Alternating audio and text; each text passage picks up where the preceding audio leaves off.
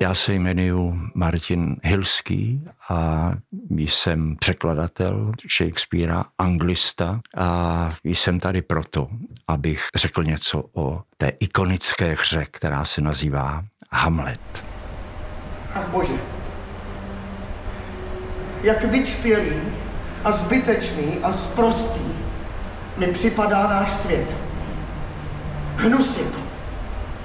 Hnus budu vycházet z premiéry Hamleta, která se konala v Národním divadle nedávno 7. prosince. Dva měsíce jsou to. A kdyby dva, tak skvělý král. Bůh slunce byl. A tenhle? Ožralý chlípník. Radši na to nemyslet. Ne. Tvoje jméno hříšnosti je žena. Za pouhý měsíc k tomu ve střevící, když za rakví šla svému manželovi. A ještě chci říct jednu věc. Pro mě Hamlet je důležitý nejenom proto, že je to ikonický text vlastně západní civilizace, ale také proto, že já vlastně jsem poznal, co je to divadlo, když mě bylo 21 let. Já jsem samozřejmě chodil do divadla předtím a tak dále, ale když mě bylo těch 21 let, tak jsem v Národním divadle viděl Hamleta v režii Pleskotově, kde hlavně roli hrál pan Radovan Lukavský. A já si vzpomínám, já jsem byl v tom hamletovském věku a byl to úžasný zážitek. Já jsem do toho divadla přišel a odešel jsem jiný, než jsem tam vešel. A myslím si, že divadlo asi o tomhle má být. A já nevím, jestli by se mi ta inscenace líbila dnes, to vůbec netuším, ale vím, že tehdy to byl pro mě zážitek nesmírně osobní, kdy já jsem si uvědomil, že Hamlet se týká světa, ve kterém žijem, společnosti, ve které žijem, že se týká vlastně i mého vidění světa, života, lidí, takže mám k této hře takový opravdu osobní vztah, protože tohle to bylo co si, jako anglicky se tomu říká rites of passage, to byla takový ten přelomový okamžik, kdy pochopíte něco, co jste dřív nechápali vůbec.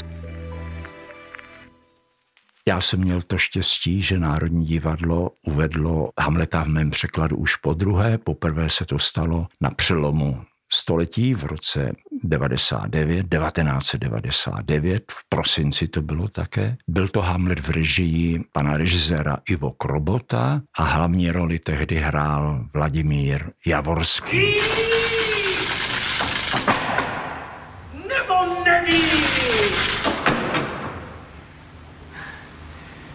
Být nebo nebýt, to je otázka. V tomto podcastu uslyšíte ukázky z té aktuální inscenace Hamleta, kterou režíroval tandem zvaný Scooter, což je Martin Kukučka a Lukáš Trpišovský. A v hlavní roli Hamleta vystupuje Pavel Neškudla, musím říct rovnou, že to je velmi originální obsazení této role. Ne moje šílenství. Váš hřích tu mluví.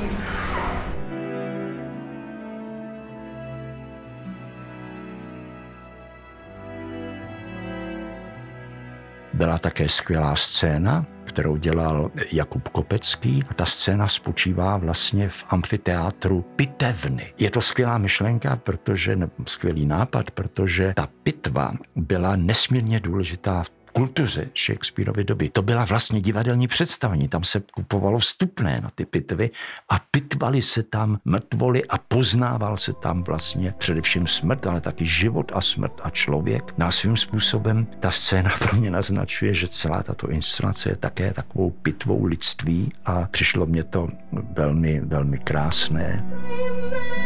Remember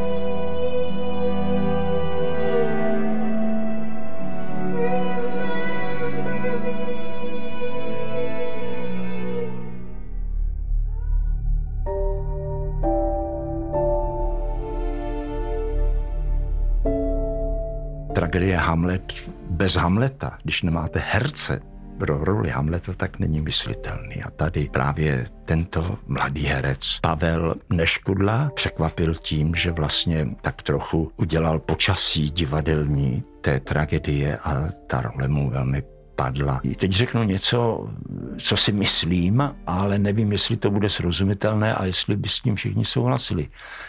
Pro mě to nejdůležitější je jeho proměnlivost, jeho až těkavost, bych řekl. To je role, která je těkavá, protože on nejdřív vystupuje jako princ, že pak z důvodů, které jsou zřejmé, začne předstírat, že je blázen. Diváci chvíli nevědí, jestli blázní skutečně, nebo jestli to jen hraje. A on to hraje tak dobře, že to je těžko rozeznat.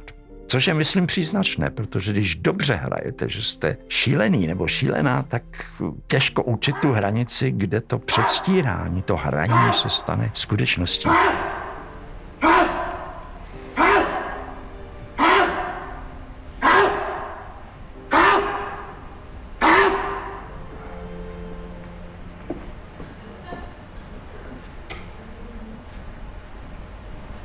Jsou věci mezi nebesy a zemí, O nich se filozofům ani nesmí.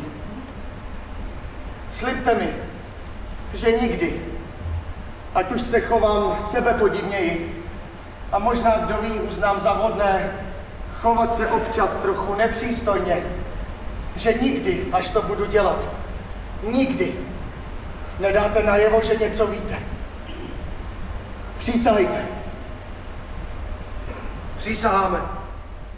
Je to samozřejmě tragická postava, ale tento Hamlet narušuje tu stereotypní představu melancholického, zádumčivého, nerozhodného, činu neschopného Hamleta. A tady ten Hamlet má v sobě paradoxy života a už ten zmíněný humor, hlavně dovede skvěle předstírat, což je zajímavé, protože on na začátku té hry říká Gertrudě, já neznám žádné zdání, já jsem. To říká na začátku, kdy všichni truchlí a truchlí, řekl bych, až moc. Při každém truchlení dojde i k takovým konvenčním záležitostem, jako, jako, je, jako je vzlikání, pláč, samozřejmě černé oděvy a tak dále. Ten Hamlet tam říká, já nehraju teátr smutku, já nehraju nic já jsem, a to já I am je tam řečeno. A to je něco úžasného, ale já jsem si uvědomil, že přesto, že to řekne, tak pak vlastně hraje to šílenství. Jinými slovy, není to úplně tak. On aby se dobral pravdy, tak hraje, čili to předstírání, ta iluze tam pomáhá dobrat se pravdu a ten Hamlet to samozřejmě skvěle umí. Já v skutku vím, co je žal. Co maškaráda smutku. A pak má takovou zranitelnost určitou, až plachost a zároveň ale myslím také velkou krutost, které Pavel Neškudla taky perfektně zahrál a je to nutné v té scéně po monologu být nebo nebýt, že kdy on posílá tu Ofeli do kláštera, což byl v tehdejším slangu výraz nejenom pro kláštere, ale také pro bordel anebo nevěstinec, protože to slovo nanery, go to the nanery, říká v tom originále, go to the nunnery, ale to nunnery, zvláště po reformaci, kdy Jindřich VIII skonfiskoval všechny kláštery, takže kláštery v Anglii neexistovaly v dospělově době, protože byly zrušeny. No a to slovo nun je jeptiška, ale v tom slangu, na kterém se podílela anglická reformace, ty jeptišky byly zároveň označený děvek a prostitutek. A co vy? Jste počestná? Počestná, princi? Jste krásná? Jak to myslíte, výsosti? Jestli jste počestná a krásná, pak ať vaše poctivost s krásou neobcuje. Proč ne? Protože při tom obcování krása přivede poctivost do bordelu. Ale poctivost krásu k poctivosti nepřivede nikdy. Kdysi to býval protimluv. Dneska ovšem je to všeobecná pravda. Miloval jsem vás. Kdysi. Říkal jste to? A já vám věřila. Ale neměla jste. Nikdy jsem vás nemilovala. Tak tím víc jste mě oklamal. Tady já chci říct jednu důležitou věc jako překladatel. Přeložit tuto pasáž v tom druhém významu a říci jdi do bordelu by byla těžká překladatelská chyba, domnívám se. Tam musí být ten klášter, protože za prvé je to ten první význam. Mimochodem, Alžbětinci všichni věděli, všichni věděli, že na Neri je také nevěstinec. My to nevíme. Ale tím, že se tam opakuje to slovo klášter čtyřikrát a že Hamlet tam říká, kroutíš zadkem, maluješ se, což dělali právě jednak ty, ty, ty děvky, jednak to taky dělali největší dámy tehdejší společnosti, což je takový krásný paradox celé té doby, bych řekl. Ale evidentně je to něco strašného, protože ta ofilie opravdu Hamleta miloval, já jsem o tom přesvědčen. A Hamlet miloval ji. Já jsem o tom také přesvědčen. Ale problém je, že Ofelie není Desdemona, není to Cordelie z krále Líra, není to zkrátka ta shakespearovská heroina emancipovaná, která dovede stát za svým, tak jako ta zmíněná Desdemona, nebo třeba Rosalinda, jak se vám líbí. Ona je poslušná dcera svého otce. No a když jí ten otec překáže, že se musí rozejít s princem, protože princ má svoje starosti a stará se o stát a nemá čas na takové podržné věci, jako je láska, což je naprostý nesmysl samozřejmě. Takže já bych řekl, že v té hře proběhne cosi jako obřad zabíjení lásky, protože ten vztah Hamleta Ofelie mohl být krásný, protože se opravdu milovali. Otázka je, zda byli opravdu milenci v tom doslovném slova smyslu. To ten text hry neříká, ale mohlo to tak být, nemuselo to tak být. To je vedlejší.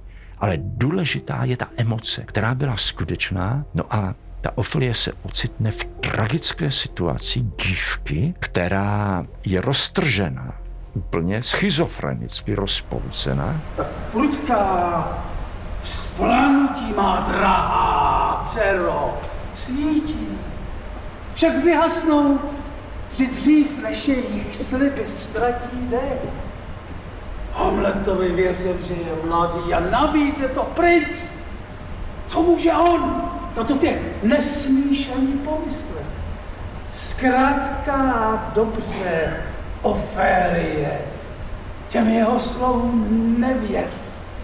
Kuplíři jsou to! Já jsem si to ověřil na psychiatrických příručkách, hlavně na knize Rozdělené já, to napsal pan Leying v Anglii někdy koncem 20. století, kde říká, že k schizofrenii dochází, když někdo, koho ctíte a milujete, vám řekne jděte doprava a někdo jiný, koho milujete stejně, vám řekne jděte doleva a vy najednou nevíte. No a to přesně se stane Ofelii, která má ráda Hamleta, který nosí dárky, že? Které jsou posvěcené, jak ona říká, tím laskavým slovem. Omyl! Já jsem vám nic nedal. Dál, vzácný princi, dál! A k tomu slova, jimž vdechl jste tak velkou něžnou krásu, že dala dárkům nedozírnou cenu. Už o něm měla Dárky klesly v ceně.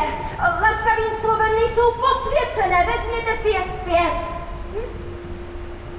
A co vy? Ale zároveň je to poslušná dcera svého otce a ten jí nejenom řekne, že se má s Hamletem rozejít, ale také ji nastrčí jako v návnadu na Hamleta ve scéně odposlouchávání. A tohleto, já jsem zažil dobu, která kde to odposlouchávání státní bezpečnosti bylo běžnou záležitostí a bylo všude ta odposlouchávací zařízení. Ta nejsou v Hamletovi, nemohou tam být, ale většinou se to dělo tak, říkalo se tomu eavesdropping a znamenalo to poslouchat buď to za dveřmi, nebo se dívat klíčovou dírkou, nebo za nějakým závěsem, ale to odposlouchání tady bylo a bylo na nejvyšší úrovni, protože toho Hamleta, být nebo nebýt, odposlouchává král, Dánska Claudius, ten nový král, a jeho první ministr Polonius, což je otec Ofelie. A Ofelie o tom ví, protože Polonius jí řekne, tady máš modlitební knížku, v ní si čti, až přijde princ Hamlet, tak s ním mluv a my si poslechneme, co, co si říkáte. No Ofelie zaprvé tuto roli přijme, což už je sporné, protože by mohla také se vzepřít, ale není Desdemona, ta by asi se vzepřela. Tak tohle by prostě neudělala, protože ta láska k Hamletovi by byla větší, že jo. Ale ona to udělá, protože ten imperativ, být poslušná otci a teď to říká i ten král a všichni kolem, říká to i její bratr Laertes, čili ona je pod obrovským tlakem a ten tlak nevydrží. A tohle to je klíčová scéna Hamleta svým způsobem a v této inscenaci Národního divadla je udělána úžasným způsobem. Já se přiznám, že jsem to velmi ocenil, protože tam jde o to, zda Hamlet ví, že ten jeho monolog a ten jeho pak dialog s Ofelií, kdy pošle do toho kláštera, zda ví, že je to odposlouchávané. A jako on tam má jednu repliku, která je příznačná. V tom překladu je to, kde máš tatínka? Ofelia na to řekne doma výsosti. Na to je lež. Kde máš tatínka?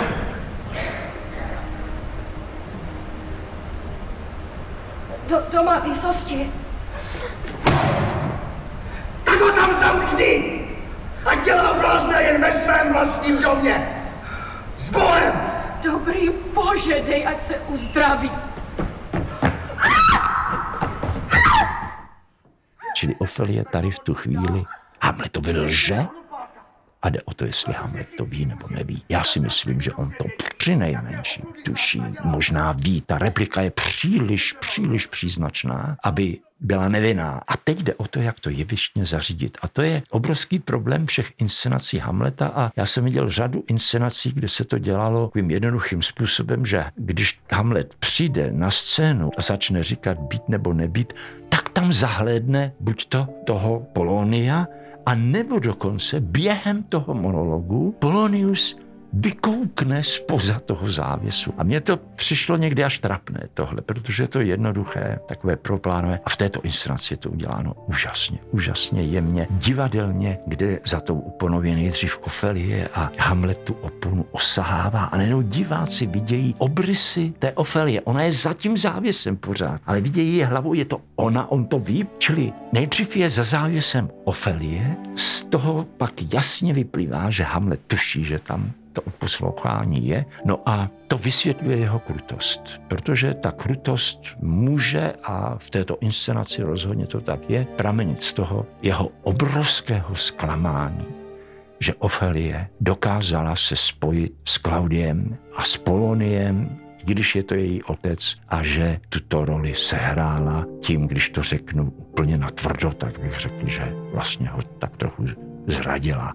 To možná neospravedlňuje, ale vysvětluje tu opravdovou krutost. Ta krutost spočívá v tom, že Hamlet musí tu Oflii dobře znát a ví, že je to velice jemná bytost. Ona v této inscenaci zas tak jemná není, ona je dost razantní, je o moc razantnější, než Ofelie bývají, což je, myslím, dobře, protože proč ne? No ale to nic neubírá na té tragedii toho vztahu. A mě to zajímá, protože tomu monologu být nebo nebýt se často říká, že je to ten monolog, který odpovídá sonetu 66. To je ten nejslavnější sonet Shakespearea, který je o sebevraždě, o možnosti sebevraždy, uznaven tím vším, já chtěl bych smrt a klid, jen nevidět, jak žebrá poctivec a teď to jede dál, jak pokřiví se každá čistá věc, jak dívčí cudnost brutálně lehtíč a tak dále a tak dále. A to všechno v Hamletovi je Kéž by se tohle příliš pevné tělo rozpustit chtělo do kapiček rosy.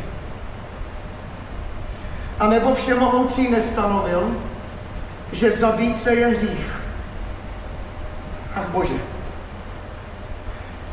jak vyčpělý a zbytečný a sprostý mi připadá náš svět. Hnus je to. Hnus. Ale v jedné věci se ten sonet od hry nebo tragedie Hamlet odlišuje, a to tím, že zatímco v sonetu je katarze velmi zřetelná, protože on končí slovy s tím vším, já umřel bych tak rád, jen nemuset tu tebe zanechat. Tebe zanechat. Jinými slovy, tam je jedenáct důvodů k sebevraždě, ale nemohu to udělat, protože tě mám moc rád a já tě tady v tom nemůžu nechat. Čili ten sonet, mluvčí toho sonetu, myslí na tu druhou milovanou bytost a ne z nějaké sebelítosti, ale právě proto, že nemůže tu milovanou bytost v takovém světě nechat, tak to je ten základní důvod, proč, proč žít a být. Jo? A Hamletovi je to jinak, protože Hamlet to říká několik minut před tím, než Ofeli definitivně ztratí, protože sám vlastně ji pošle do toho nevěstince a kláštera a de facto tam končí jejich láska. Tam končí jejich láska a ta katarze tady není. O to je ta hra, jde ještě dál než ten sonet v tom, té skepsi, v tom znechucení tím světem a tak dále. A ta Ofelie tam tragicky schází. Být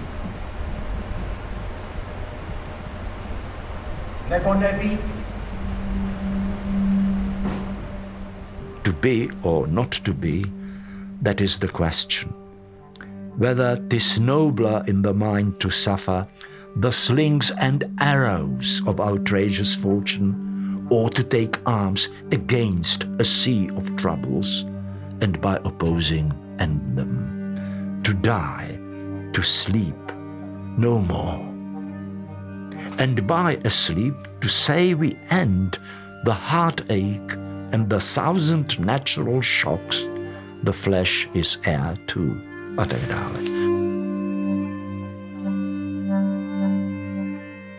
On tam Hamlet potom v závěru v hrobnické scéně vykřikne tu slavnou větu nebo verš. 40 tisíc bratrů ji nemohlo mít rád tak, jak já.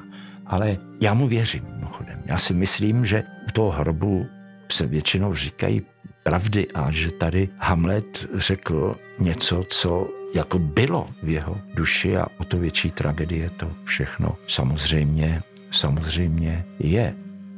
Odtrhněte je od sebe! Hamlete! Pánové! Princi! 40 tisíc bratrů dohromady! Ty nemohl jí milovat jak já! Co pro ní uděláš? Je blázen, Laerte! Pro lásku boží, nechte už ho být! Řekneš mi k sakru, co chceš pro ní dělat? Chceš brečet, rvát se, držet půst, být ocet? Dej se s ní pozbít, já to zvládnu taky. Ty řeči taky, zasypte vás hlínou, žvaníte o mým jako ty. Jen blázní. Ah! Vás nezasloužím, pane. Měl jsem vás vždycky rád. To, co jsme si včera dohodli, to taky uděláme. Za chvíli Hamlet nebude živý, však do té doby buďme trpěliví. Hamlete!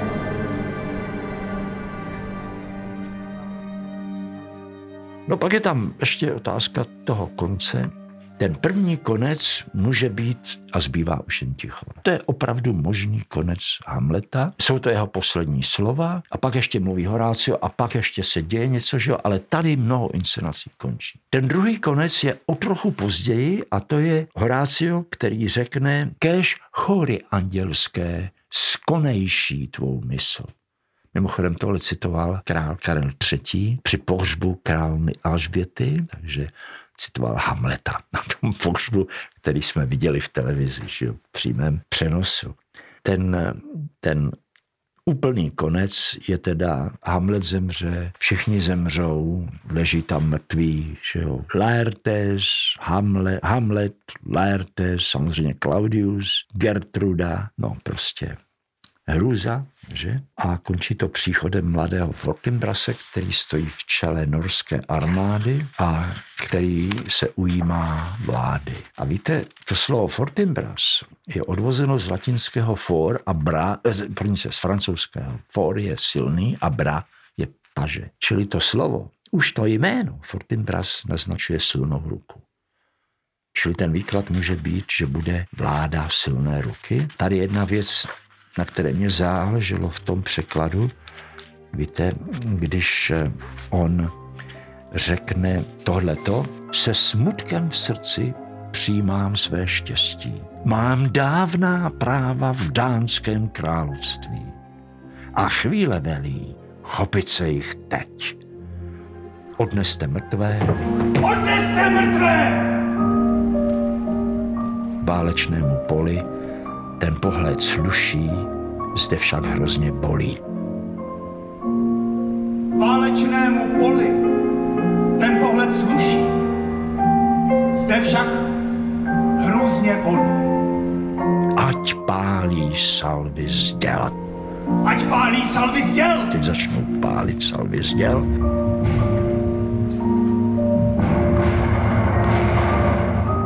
V tom konci, v tom konci je jenom ten, ten rytm, ty, ty, ty salvy děl.